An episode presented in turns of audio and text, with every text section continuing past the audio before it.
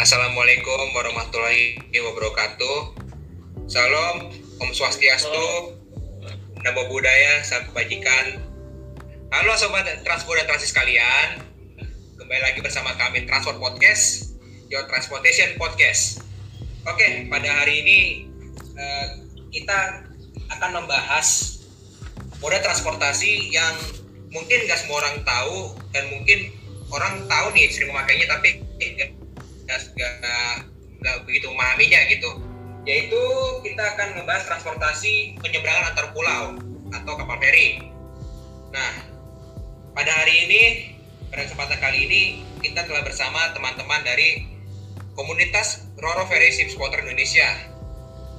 Apa sih itu komunitas Roro Ship Roro apa Roro Ferry Ship Indonesia? Mungkin kita langsung mungkin kita langsung kenalan saja ya sama mas-mas kalian.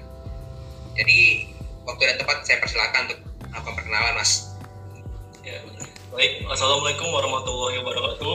Waalaikumsalam. Perkenalkan nama saya Adika Lutsi. Saya sebagai uh, CEO dari Roro Ferry Ship Spotter Indonesia dan juga ada teman saya uh, Baron Bil Walid serta juga dengan uh, Mas Juang yang sebagai uh, admin dari Roro Ferry Ship Spotter Indonesia. Oke. Oke, berarti dengan Mas Andika, Mas Juang, sama Mas Baron ya.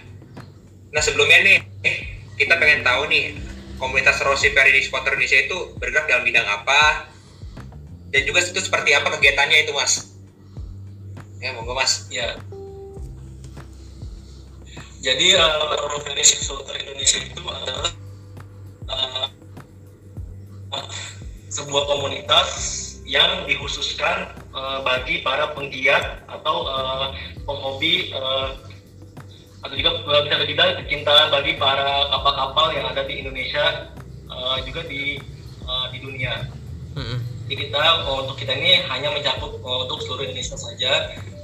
Jadi uh, komunitas ini nih kita bangun itu uh, berdasarkan uh, inspirasi dari uh, komunitas luar yaitu uh, seperti Philippine Ship Spotter, juga uh, dari Thailand uh, Coalition Ship Ship Coalition. Oh jadi berdasarkan aspirasi berdasarkan inspirasi dari spotter-spotter kapal di luar negeri ya Mas ya. Nah betul. Nah kalau boleh tahu nih kegiatannya ini apa aja sih itu? Ya, kegiatan kita untuk eh, saat ini itu seperti eh, kayak silaturahmi untuk membahas eh, apa-apa apa aja yang eh, didatangkan ke Indonesia dari perusahaan-perusahaan yang ada di Indonesia. Oh ya, berarti eh, berarti ada kegiatan foto-foto juga nih di apa foto-foto kapal juga nih di pelabuhan ya? Ya betul. Nah, Itu misi utamanya sih foto-foto di apa foto-foto kapal itu misi utamanya komunitas ini tuh, bang. oh ya. Terus nih Mas, eh, misalnya nih kegiatan selain foto-foto juga kan tadi kan ada silaturahmi, terus juga seperti kegiatan apa mem- memberi info gitu buat calon penumpang itu, itu ada nggak seperti itu? Untuk saat ini sih ada kayak info-info tentang biasanya kayak orang nanya apa tujuan ini ke mana, tujuan ini ke mana gitu. Ya, kami juga kadang ngeluarin kayak sekarang sih lagi apa lah namanya munculin konten kayak breaking news gitu untuk memberi informasi kepada masyarakat soal info tentang pelabuhan, cuaca dan kondisi yang ada di pelabuhan saat itu gitu. Untuk sekarang. Hmm, jadi seperti ya Mas ya. Ini tentang foto doang sih. Oh, berarti nggak tentang foto doang ya? Ya, depannya kita juga bakal tentang sejarah-sejarah kapal yang ada di Indonesia, Nah, terus tentang perusahaan-perusahaan yang beli kapal juga. wah mantep tuh ya. Oke, Oke, Lanjut. oke selanjutnya nih. Oke bang, Eh, tadi tadi abang udah nyinggung soal sejarah nih. Wah, sebelumnya kenalin dulu nih, nama aku Azam, salah satu admin juga di Transport Podcast. Nah, sebelum kita nyemplung lebih jauh nih bahas kapal nih bang, eh, boleh kita pengen tahu nih sejarah sejarahnya nih sejarah angkutan perkapalan di Indonesia. Nah itu kayak gimana sih? Misalnya kayak sejarah dari Pelni, ASDP. Nah itu gimana bang? Nah, monggo. Kalau sejarah untuk ASDP tersendiri ya, itu tahun 1973 angkutan Sungai Danau dan Penyeberangan itu mulai dilaksanakan ya itu ya. Itu proyek dari PASDF ya kalau nggak salah itu di bawah naungan Direktorat Lalu Lintas Angkutan Sungai Danau dan Penyeberangan. Eh sorry, maksudnya Direktorat Jenderal Perhubungan Darat waktu Iya, itu. Hubdar. Tahun 1980 ya 1980 PASDF itu diubah gitu menjadi singkatan yang sekarang gitu jadi ASDP Angkutan Sungai Danau dan Penyeberangan gitu yang membantu tugas kayak operasi pelayanan antar pulau aja gitu. Dan, seleb- dan selebihnya tahun 19 92 tahun ya, 1992 Perum SDP itu berubah ya. Itu masih berubah lagi jadi PT Angkutan Sungai Danau dan Penyeberangan Persero yang diambil alih langsung sama BUMN Oh. Jadi udah bukan di bawah naungannya Hubdar atau gitu ya? Atau masih? oh udah udah Udah enggak. udah enggak Tapi jadi golongannya pokoknya makin Hmm. jadi pokoknya makin tahun SDP makin kayak transformasi apa bisnis itu kayak bertransformasi gitu Hmm, oke oke. ya kayak dimodernisasi gitu lah operasionalnya gitu infrastruktur teknologi gitu kan sekarang juga pelabuhan makin teknologi juga makin maju untuk saat ini Betul. makin keren aja sih sekarang makin keren aja ketimbang yang tahun-tahun sebelumnya gitu ya modernisasi lah Ya, Berarti eh, perusahaannya mirip-mirip kayak KAI gitu ya. Jadi BUMN langsung gitu kayak apa Damri kayak PPD gitulah kurang lebih ya. ya semacamnya gitu juga karena kan masih satu BUMN juga Iya. Aku mau nanya-nanya nih, mungkin banyak orang nggak tahu nih mas.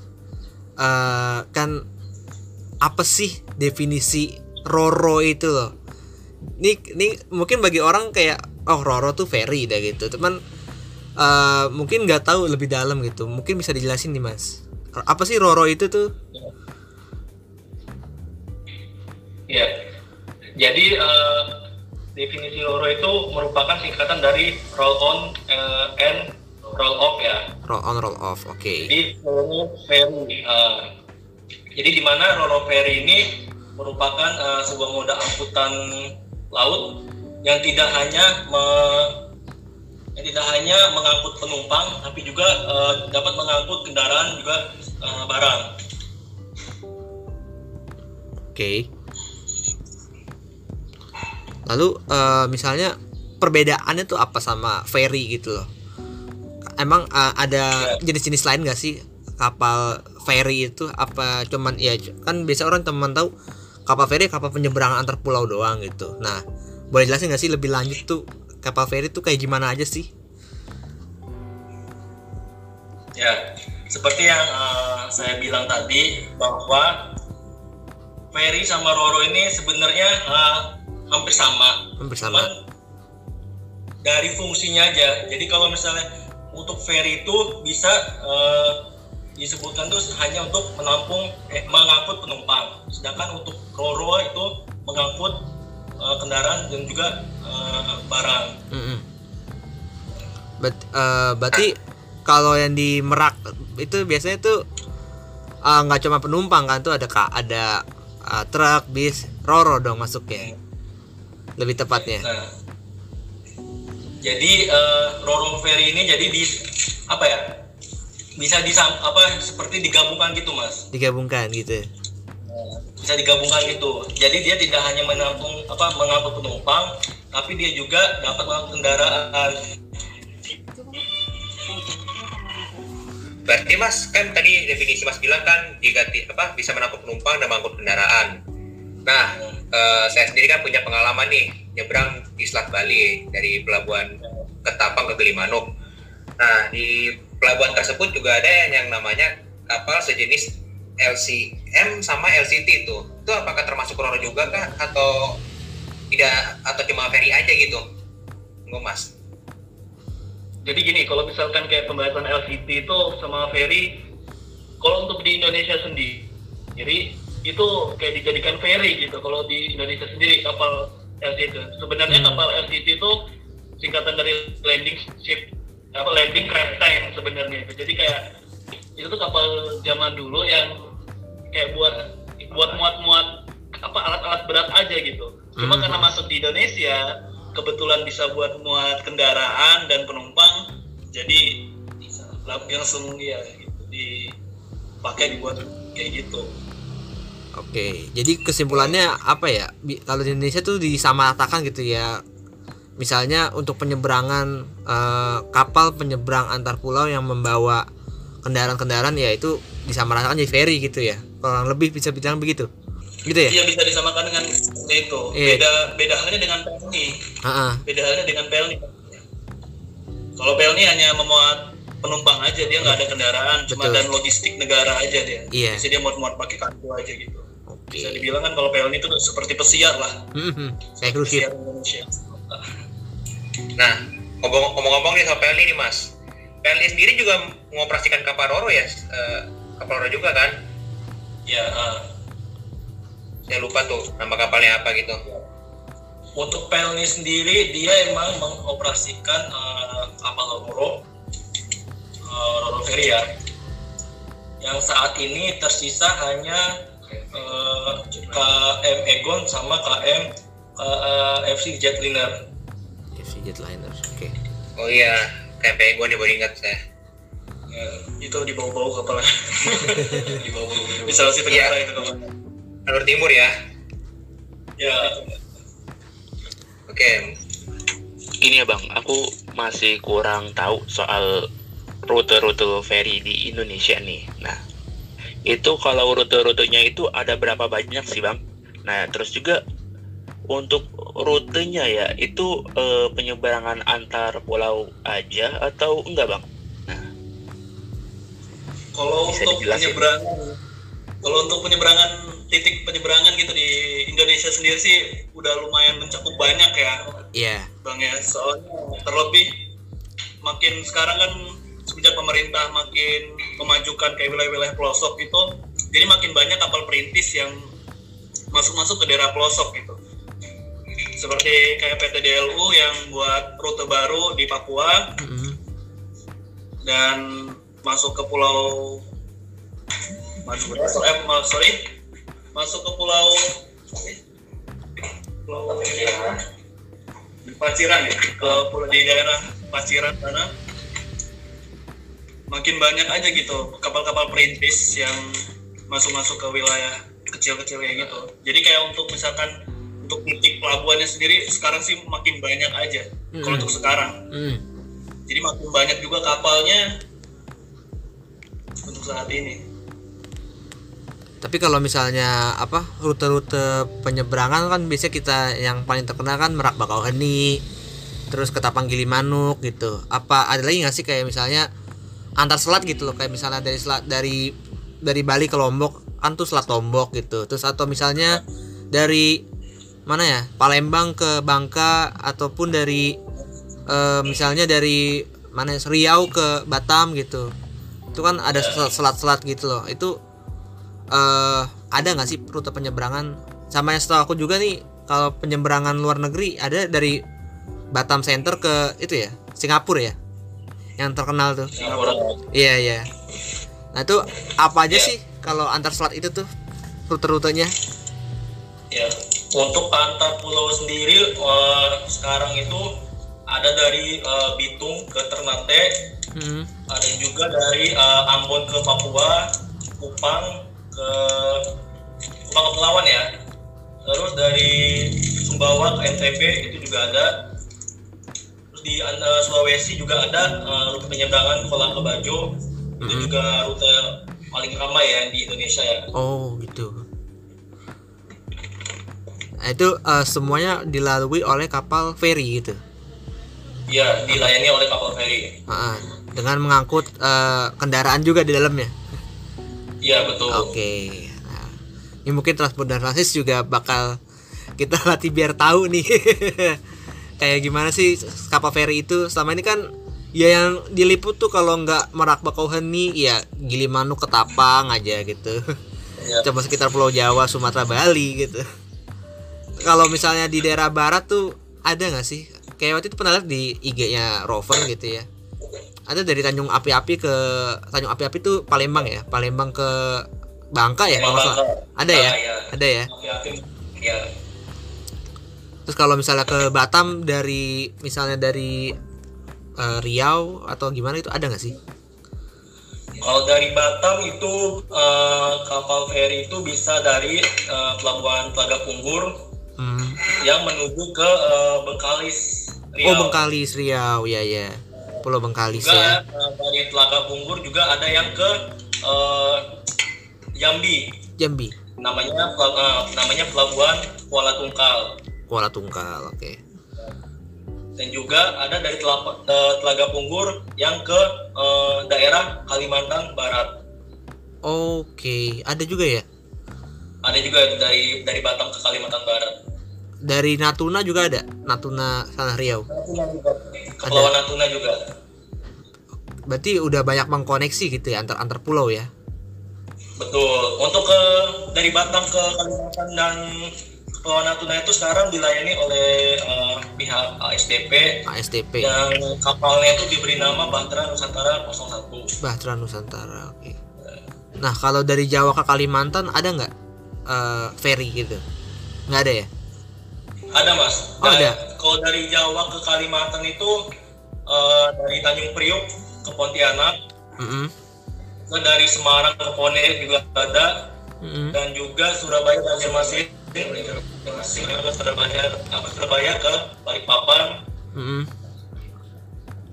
tuh terus kap yang khususnya untuk layannya ke eh, rute Kalimantan ya. Oh, oke. Ah itu rutenya jauh ya? Kenapa? rutenya jauh juga ya? Eh, dan itu pakai kapalnya kapal apa tuh kapal ferry juga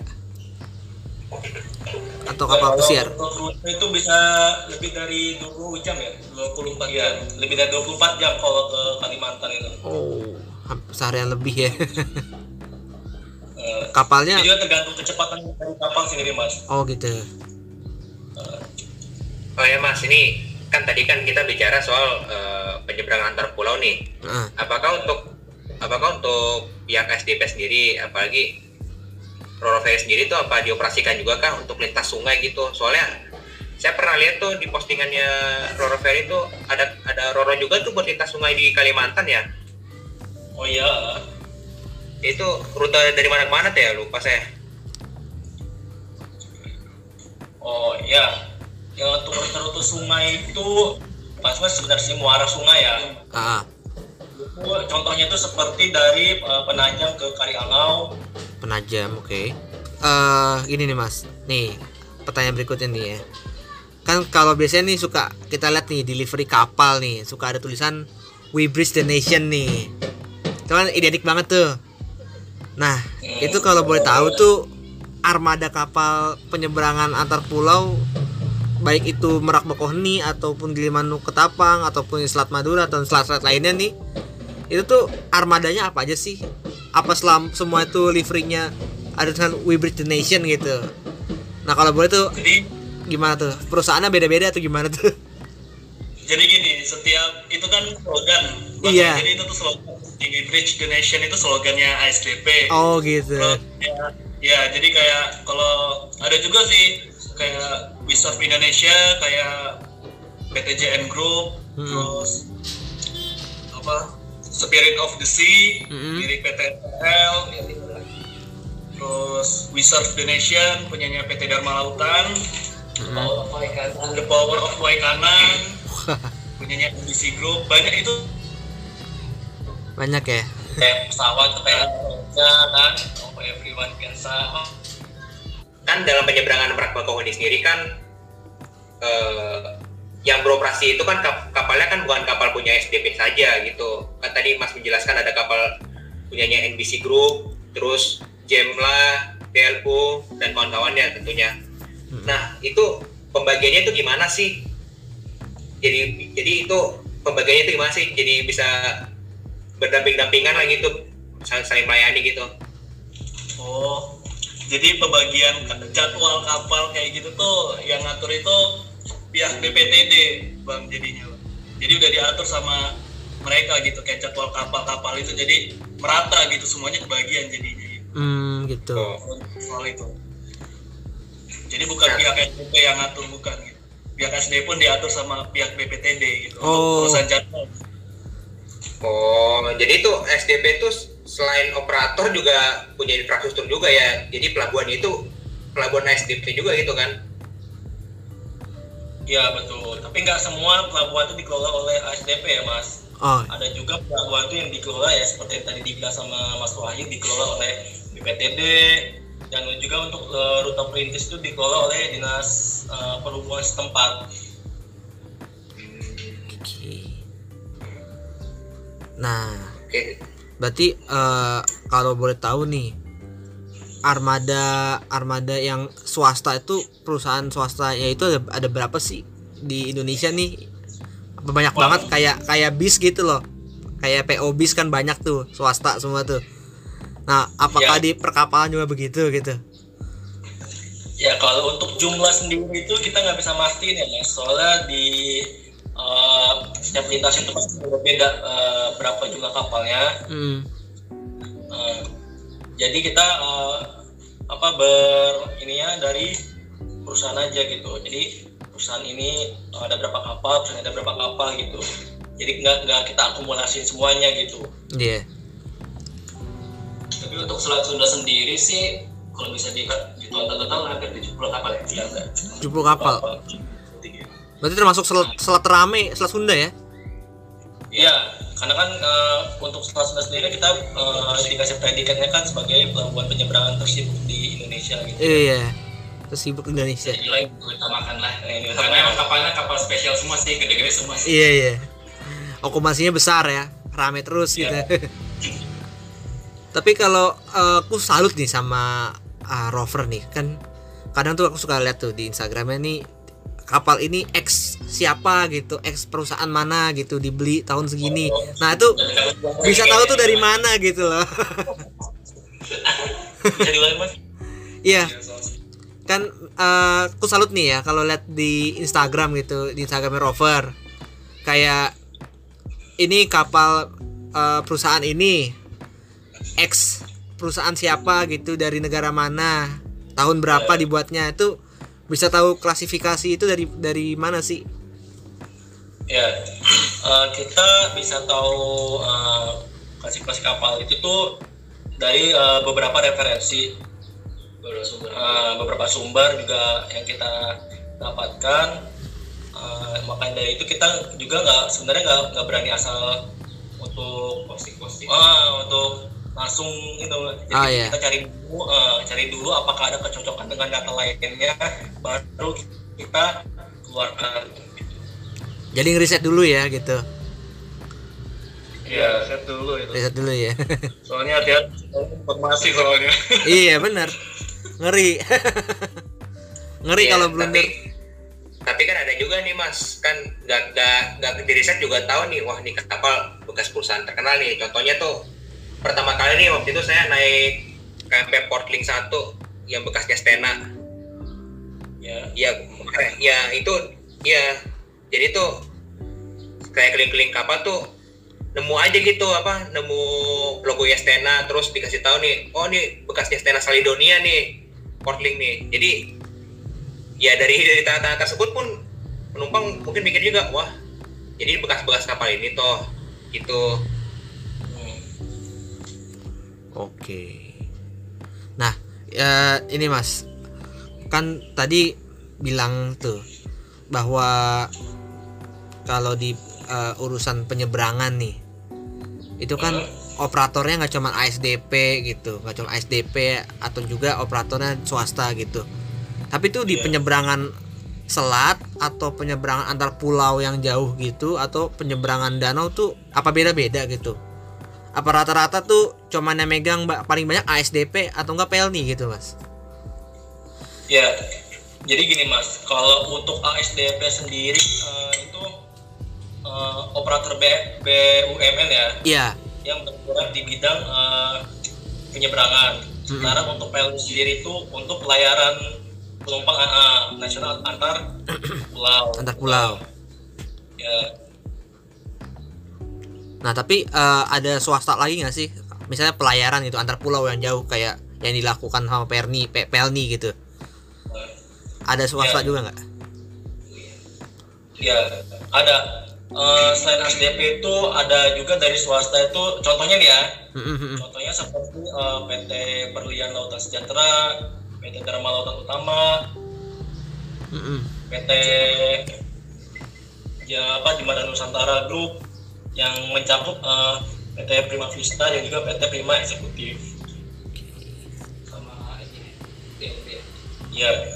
Dan yang terbaru sekarang itu eh, dari PT Da- Damai Lautan Nusantara yang melayani eh, rute Surabaya ke Lombok. Surabaya ke Lombok gitu jadi intinya ASDP itu megang antar antar selat ya antar kebanyakan antar selat ya gitu penyeberangan antar selat yang Ya, istilahnya eh, apa eh, waktu tempuhnya nggak lama gitu ya nggak sampai di atas 6 jam gitu.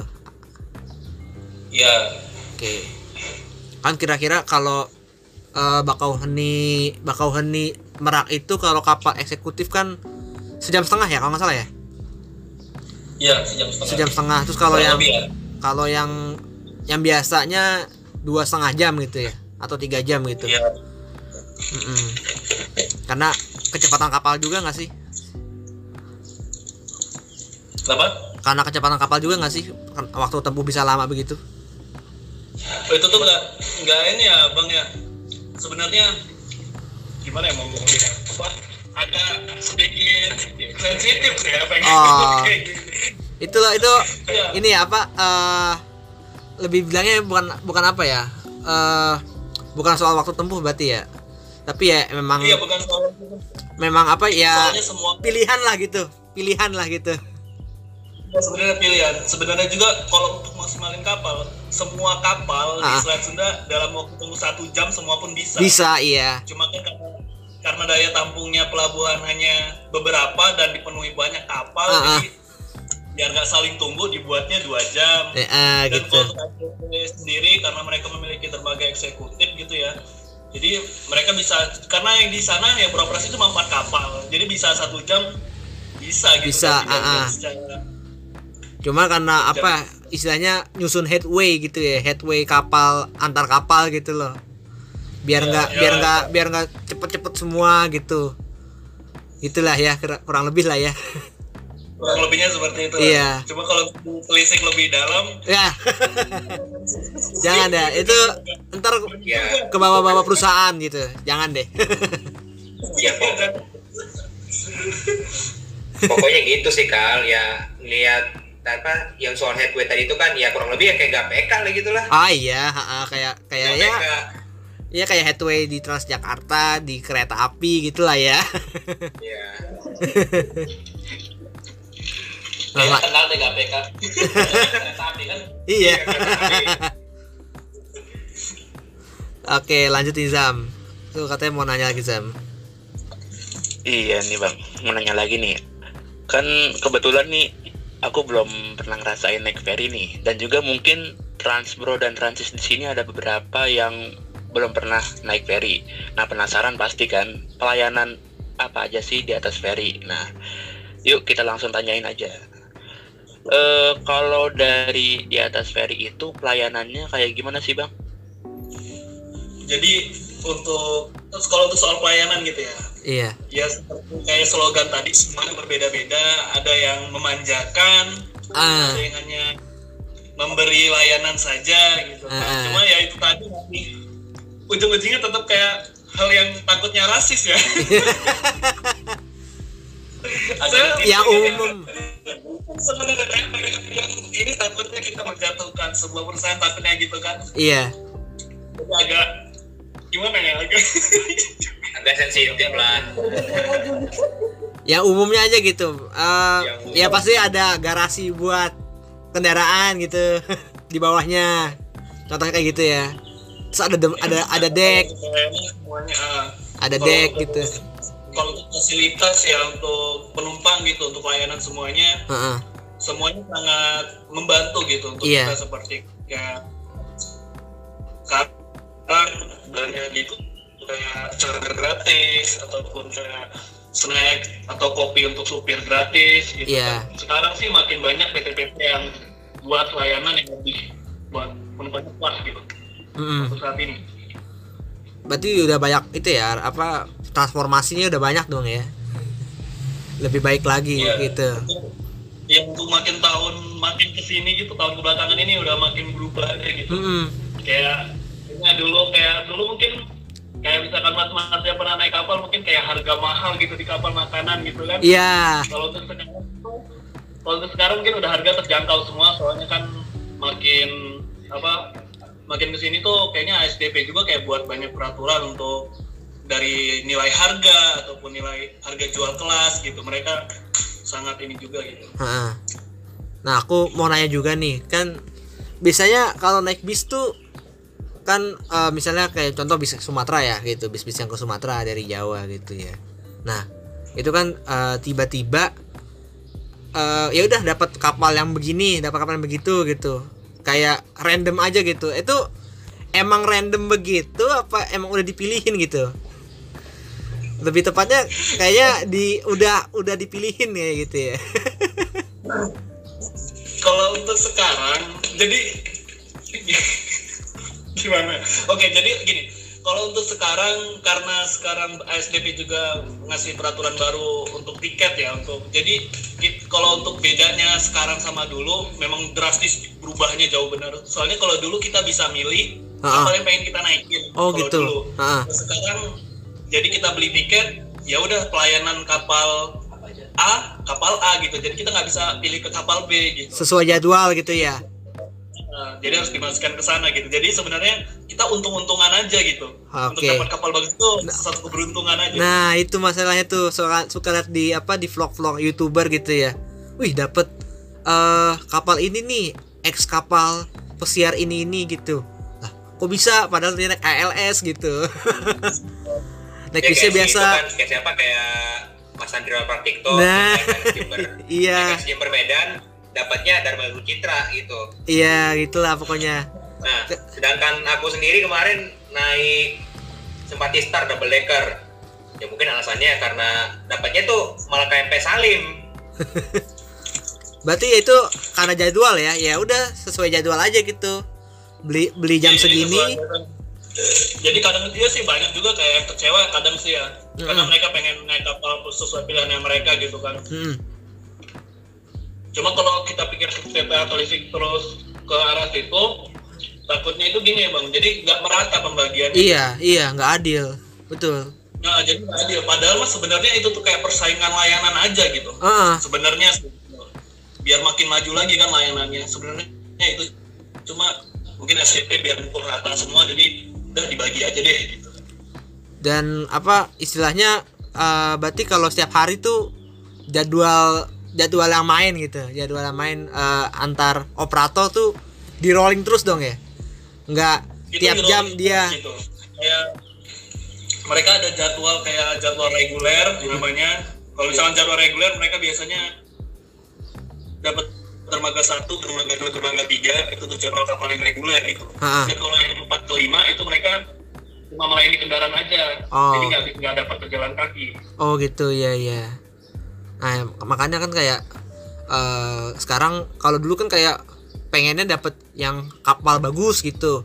Sekarang kayak rata deh ya hoki-hokian aja gitu ya kan intinya.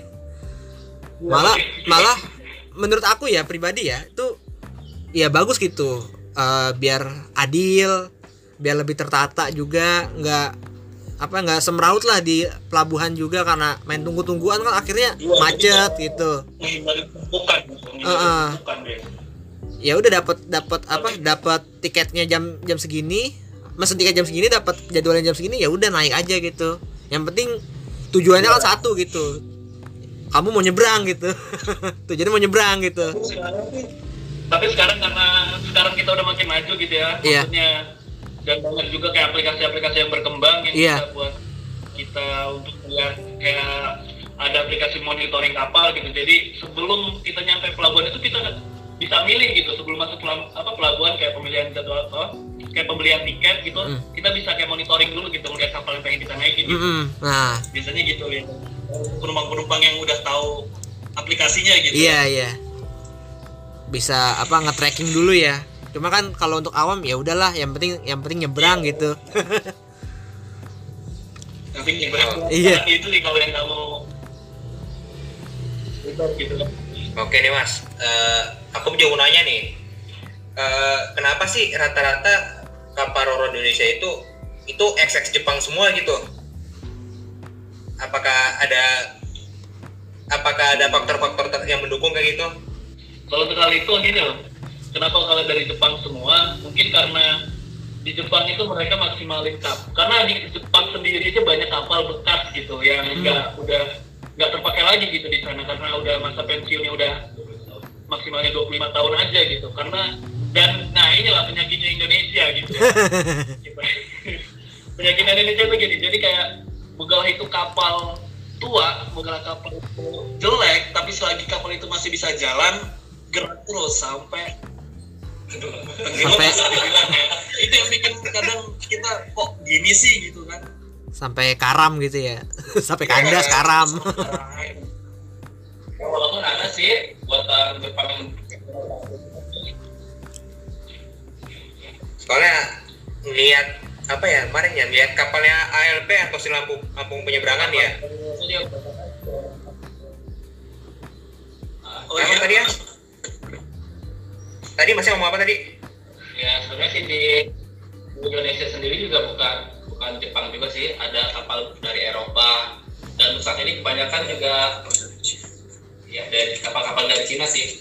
Oh gitu buatan Cina tepatnya karena murah. Beli. Iya.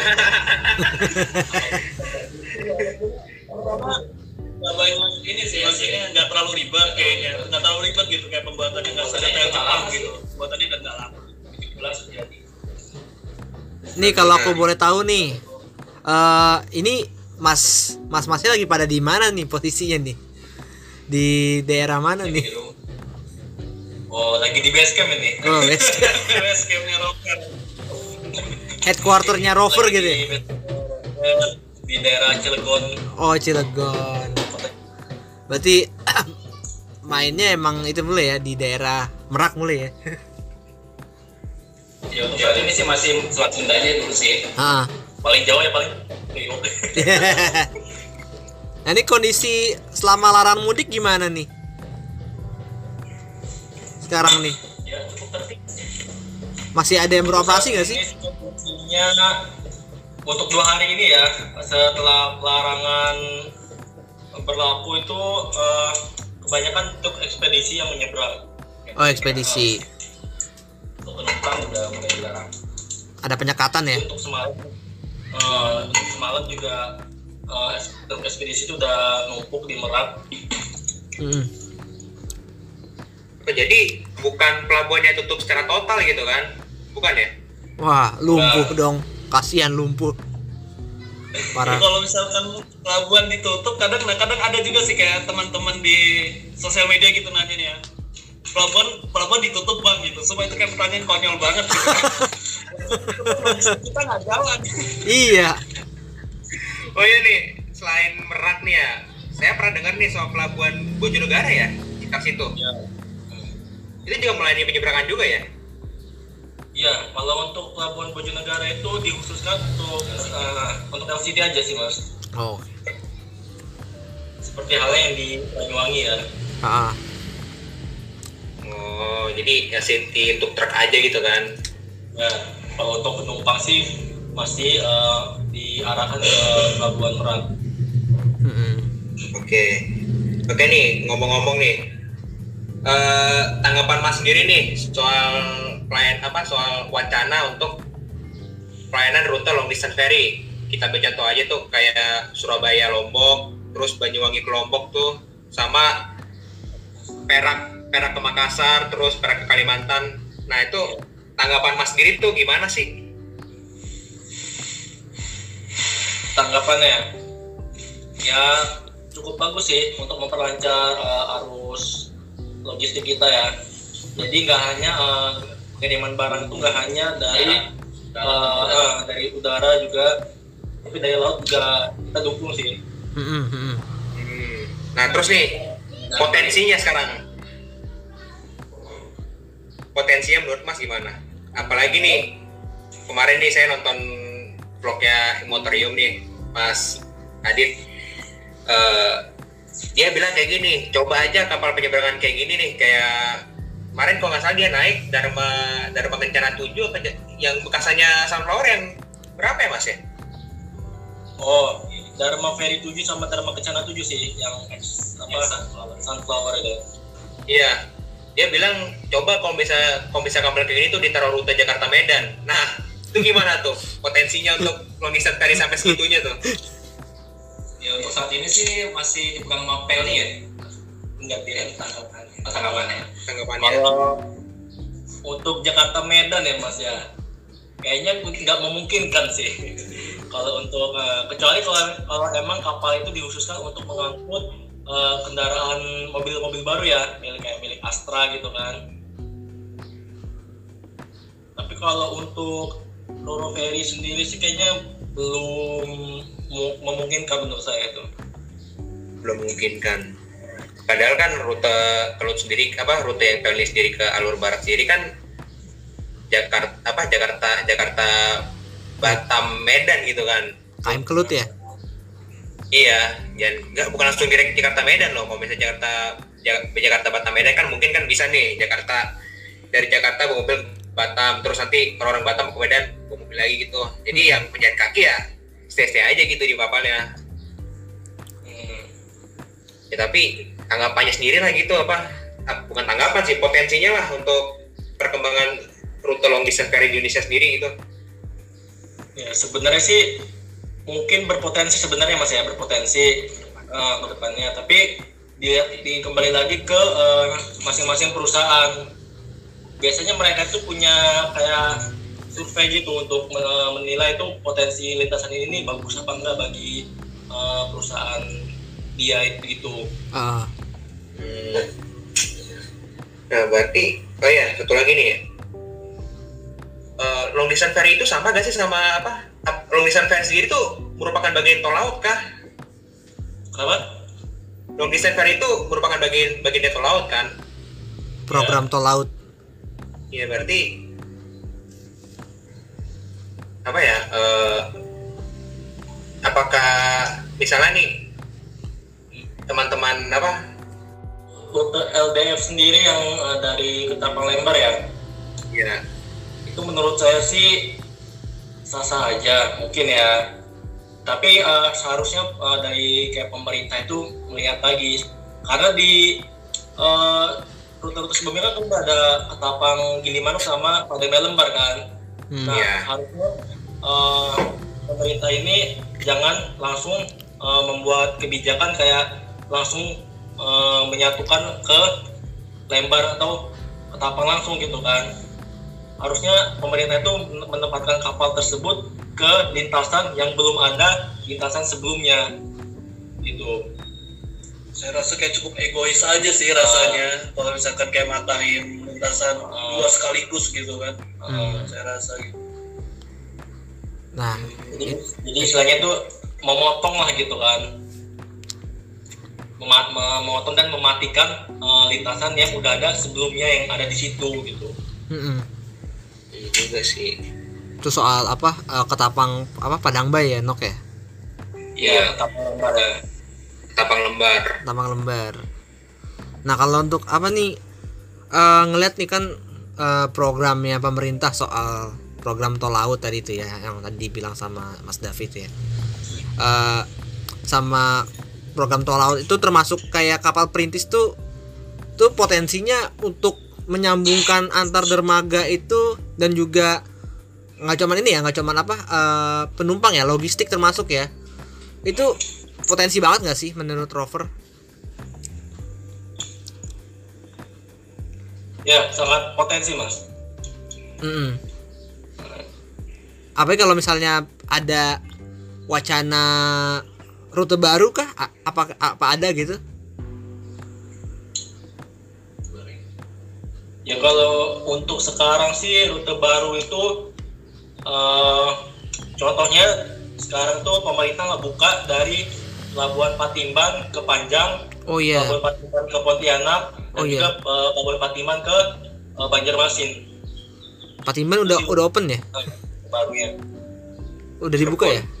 Bukan Cirebon, Cirebon, Subang, Subang ya, Subang, Subang. Subang. Baru baru jadi ya.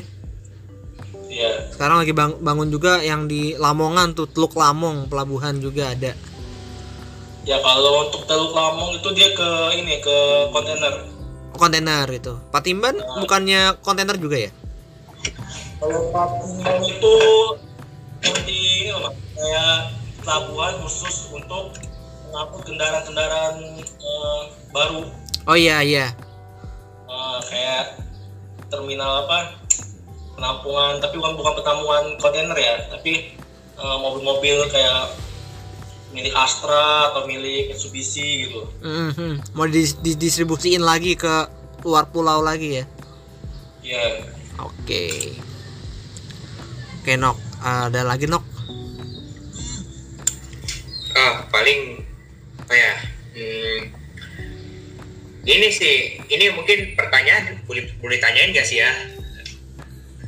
Ini satu nih tentang agen penyeberangan. soalnya nih, iya soal soalnya nih kalau misalnya lihat truk-truk tronton yang yang rutenya ke Sumatera atau ke Jawa gitu kan, ada nih stempel gitu rumah makan ini agen penyeberangan ini nih mau nyebrang ke Jawa. Nah itu tanggapan Mas gimana sih itu? Ya, kalau untuk agen-agen penyeberang itu menurut saya bagus ya karena dia eh, membantu eh, bagi para driver itu untuk mengurus tiket eh, dan juga kendaraannya gitu. Hmm. Dan itu kalau misalnya penyeberangan sendiri langsung nentuin berat si truknya gitu kah? Apa?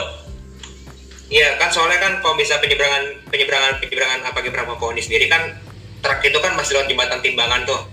Ya, Nah itu timbangan si truknya itu berpengaruh kan sama kapal yang bakal dinaikin gitu. ya. Nah itu tanggapan Mas gimana? Ya, jadi kan kalau sebelum memasuki kapal kan eh, kendaraan-kendaraan kan khususnya untuk eh, pengangkut barang gitu kan selalu ditimbang sebelum masuk kapal. Iya. Itu juga berpengaruh sih mas untuk eh, stabilitas stabilitas kapal karena semua itu udah ada perhitungannya gitu. Jadi eh, satu jenis truk ini berapa beratnya, eh, berapa ton berapa ton beratnya dan nanti ditempatkan di posisi mana di dalam kapal nanti. Oke. Hmm, itu itu berat kapal juga termasuk apa juga dihitung harganya kan gitu Kenapa? Itu berat berat si truknya sendiri tuh dihitung harga kan gitu misalnya kalau bisa beratnya segini harganya segini kalau beratnya segini harganya segitu Oh, kalau itu itu masuknya ke dimensi uh, ukuran dari kendaraannya sendiri, Mas. oh, Jadi uh, semakin panjang kendaraan itu itu ada uh, harganya sendiri gitu. Oke. oh dari gas sendiri ya Ya. terus juga nih untuk teman-teman rover sendiri sih untuk teman-teman rover sendiri pernah gak gitu? Yang channel YouTube Selat Sunda 7 Selat, apa Selat Sunda 766 HI HI ya kan saya lihat tuh videonya sampai nyebrangin apa sampai nyebrangin kometo tuh. Itu benar-benar satu kapal disewa untuk satu muatan itu doang atau muatan itu masuk ada kendaraan lain masuk itu itu gimana? Ya, punya gitu ya. Iya. Jadi kalau misalnya uh, ada dari perusahaan mana gitu ya membawa muatan yang muatan bahaya seperti uh, peralatan milit apa militer atau misal kayak contohnya seperti kayak kemarin bawa kereta uh, bawa uh, kayak kereta KAI ya bawa, bawa, bawa kereta itu Mm-mm. memang sistem itu harus disewa sih. Oh, oke. harus disewa Kan tinggi tinggi maksimal ya tinggi Tinggi maksimalnya. tinggi maksimal ada beberapa kapal yang tinggi maksimalnya nggak sesuai sama Sesuai sama tinggi muatan ya. muatan. Hmm. berarti masih sewa gitu ya Ya, itu kalau misalnya masih sewa gitu kapal tersebut masih menerima, masih menerima pejalan kaki gak gitu? Enggak mas. Di ini khusus dihususkan untuk angkutan barang aja. Oh, jadi nggak terima pejalan kaki ya, meskipun angkutannya istimewa gitu. Iya benar. Oke. Oke nih, eh Dari Haikal sendiri atau dari Azam ada mau nanyain lagi gak? ah, oke, gue sih cukup ya. Mungkin dari Azam, Gue cukup kayaknya. mungkin cukup Oke. ya. Eh, jadi langsung aja nih ke pertanyaan terakhir nih. Harapan dari teman-teman rovers untuk angkutan perairan di Indonesia. Harapannya apa aja nih? Ya untuk harapannya ya ke depannya sih ya mungkin bisa lebih bagus lagi lah. Bisa lebih ngasih fasilitas untuk kan itu maksudnya jasa ya. Jasa Iya. ya, kayak kita kita ini sebagai pengguna. Ya mungkin dari Mas Jone Kalau untuk saya sendiri sih ya untuk harapan transportasi laut di Indonesia gitu ya, ya makin ditingkatkan lagi gitu keamanan dan kenyamanannya aja sih. iya. Itu aja soalnya masih banyak beberapa hal yang kayaknya mesti kita perhatikan gitu untuk kelayakan di atas kapal gitu kan. Benar. Itu aja sih sekiranya untuk Mas Dika ya. Ya kalau untuk saya sih eh, dari pelayanan ditingkatkan, dari keamanan ditingkatkan, juga eh, dari eh, setiap eh, pembelian tiket juga ditingkatkan ya, karena kita ini masih ba- banyak bergantung pada dari calo-calo yang eh, menjual jasanya gitu kan. Iya, iya. Nah, dengan harga mungkin bisa dari dua kali lipat dari harga normal yang pasar Eh, lah harganya Eh, jadi saya pengennya sih eh, untuk perusahaan itu sudah menerapkan sistem tiket online gitu. kayak kereta api Eh, seperti Iya. kereta api, pesawat juga gitu kan. Jadi ada ada harga pasti gitu. Saat ini baru Verizi aja ya. Baru verisi aja itu. Baru Verizi ya Iya. yang Kalau untuk penyeberangan sekarang tuh ASDP ngeluarin verisi Heeh. Nah, dan juga de, eh, Dharma Lautan Utama itu juga ngeluarin aplikasi juga untuk pemesanan tiket online. Tapi itu untuk eh, jarak jauh. Untuk Oh. ke Kalimantan, ke Sulawesi, ke NTT gitu. Pel nih belum Pel nih. Kali udah kan, cuman web ya. Oh web dia langsung. Sudah, sudah online juga dia. Bukan app ya. Heeh. Nah, saya terus nih tadi nih soal verisi sendiri, itu verisi sendiri itu cuma untuk dermaga eksekutif doang atau semua dermaga mau dipakai? Masih pakai verisi? itu mencakup semua sih mas dari dermaga eksekutif reguler Oh, dermaga eksekutif dan reguler. Oke. Oke, eh mungkin eh, itu aja sih yang kita eh, jadikan podcast ya. Kurang lebihnya sih mohon maaf gitu nih Mas. Makasih banyak nih Mas atas sharing-sharing tentang informasi soal dunia perkapalan dan juga transportasi laut yang ada di Indonesia. Semoga eh, informasinya bisa diterima banyak lah untuk masyarakat dan lebih tahu ternyata gitu soal dunia perkapalan tuh kayak gimana sih eh, seluk beluknya gitu kurang lebihnya ya mohon maaf lah gitu Iya. Dan juga dari kami Transport Podcast eh, berharap Roro Versi Supporter Indonesia itu bisa menjangkau semua teman-teman penyuk apa semua teman-teman penggemar transportasi kapal dan sebagainya macamnya. Karena menurut saya sendiri Roro Ferry sendiri ini unik gitu. Uniknya kenapa? Kan selama ini kita taunya ada BMC ada Galvan sama FG gitu pesawat kapal eh pesawat kereta sama bus ya kan kapal ya kan kapal ini mungkin salah satunya ya di Indonesia ya Hmm. Saya juga mantan rakyat. ini Iya. Ya kita juga mengucapkan terima kasih untuk tim dari podcast Trans Podcast sudah mengundang eh, Roro Ferry Supporter Indonesia. Eh, kami juga mohon maaf apabila ada kekurangan, eh, banyak kekurangan dalam menyampaikan informasi. Semoga eh, untuk eh, transport eh, transport cash juga eh, bisa lebih luas lah eh, lah informasinya. informasinya. amin. Selalu. Selalu oke kita akhiri ya. Eh, ini eh, kita akhiri eh, episode kali ini. Kurang lebihnya mohon maaf. Dan juga jangan lupa nih mina aidin wa faizin Mohon maaf dan batin. Iya. oke kita akhiri ya assalamualaikum warahmatullahi wabarakatuh